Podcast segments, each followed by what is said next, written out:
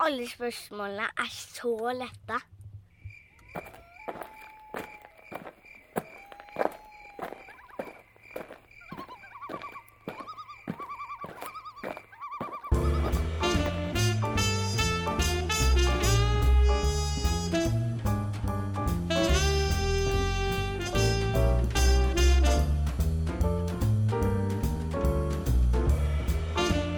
Kjære lytter, sett deg ned i stolen og gjør klar for påskelunsjquiz.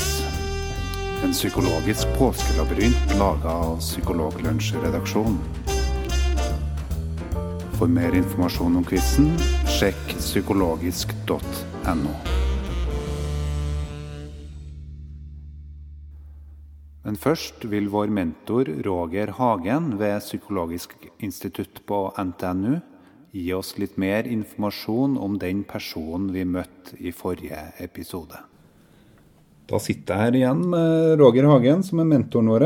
Eh, I forrige episode av Psykologene påskelunsjquiz så var vi eh, i byen til Albert Ellis, som vi ikke nevner navn på, for det skal dere finne ut sjøl. Men i byen til Albert Ellis så møtte vi på en liten gutt eh, som eh, sa at han var redd for Mikke Mus. Eh, fordi at han hadde vært med på en del eh, eksperiment som har gjort at han har blitt redd for sånne småkryp. Eh, og hvem var det vi sikta til da? Ja, eh, for alle da, som har eh, lest noe av psykologi, eller tatt et eller annet fag som ligner på psykologi, så er kanskje her det mest klassiske eksperimentet eh, i psykologien. Tror du ikke det? Jo, det vil jeg tro.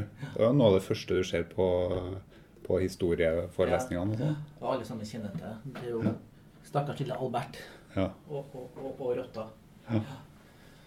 Hvor på en måte da han sammen med mor og eh, John Watson, eller, Mhm. eh, og henne- hans assistent Rosalind Rayner, Ja. som også faktisk var hans elskerinne. Oh, ja? Ja.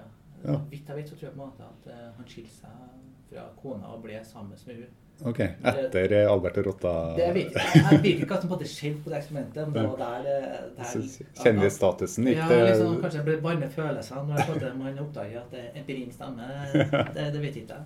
Men, eh, men, eh, men eh, det er jo sånn fun fact som kanskje ikke alle sammen vet om. Nei, Mm, sant. mm. Men, eh, men eh, han Albert han, eh, han ble jo kjent for at han ble redd for den eh, rotta. Så Mm. var det Hva skjedde med han etterpå? Er det noen som vet noe, vet noe om det? Eh, ja, faktisk. eh, det var en, eh, en eh, psykolog som heter Holbeck, Oh, ja. som eh, var veldig opptatt av å prøve å finne ut eh, hva som faktisk skjedde. Mhm. Så han eh, gjorde veldig mye sånn detektivarbeid. Og det resulterte i på en måte en artikkel i American Psychologist. Ja. Hvor på en måte han faktisk også fant gravstein til Albert. Han var opptatt av å prøve å finne i livet. Ja. Og det er en veldig sånn bevegende artikkel, fordi at eh, han eh, forteller på en måte at eh, det var en veldig trist historie med Albert, for han eh, døde ganske tidlig. Okay. Ja. Ja. Og eh, jeg tror også på en måte det var sånn at de også fant ut at eh, han kanskje også hadde eh, en del andre problemer. Ja. Eh, som kanskje da gjorde sitt til at han døde såpass tidlig som han gjorde. Okay. Han heter ikke Albert heller, han heter for Douglas. Heten. Douglas. Ja. Ja. Mm. Eh, og eh, det er jo veldig mye mystikk eh, knytta til det.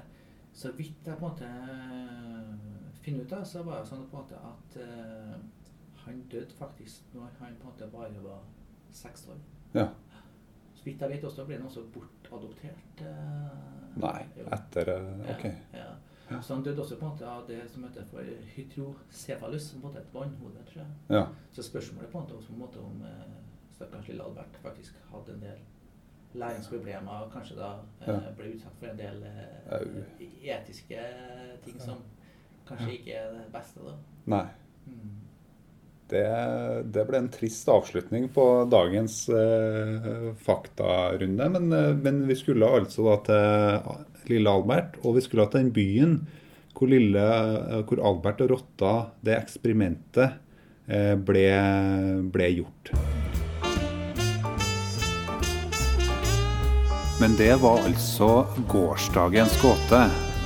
Nå går vi over til en ny gåte.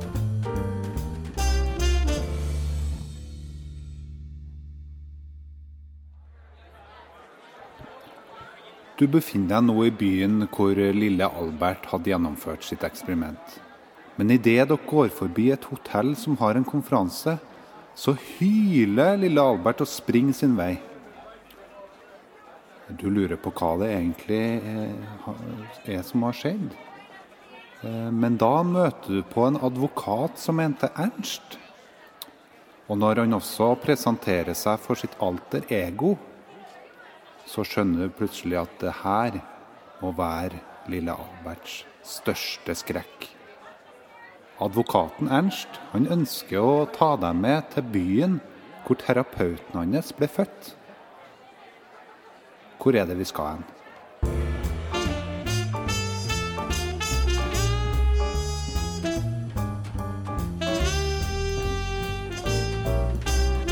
Ja, hvem er denne advokaten Ernst, og hva er kallenavnet hans? Hvor er det vi skal hen hvis vi skal til terapeuten hans sin fødeby? Delta i diskusjonen på Twitter og på Facebook.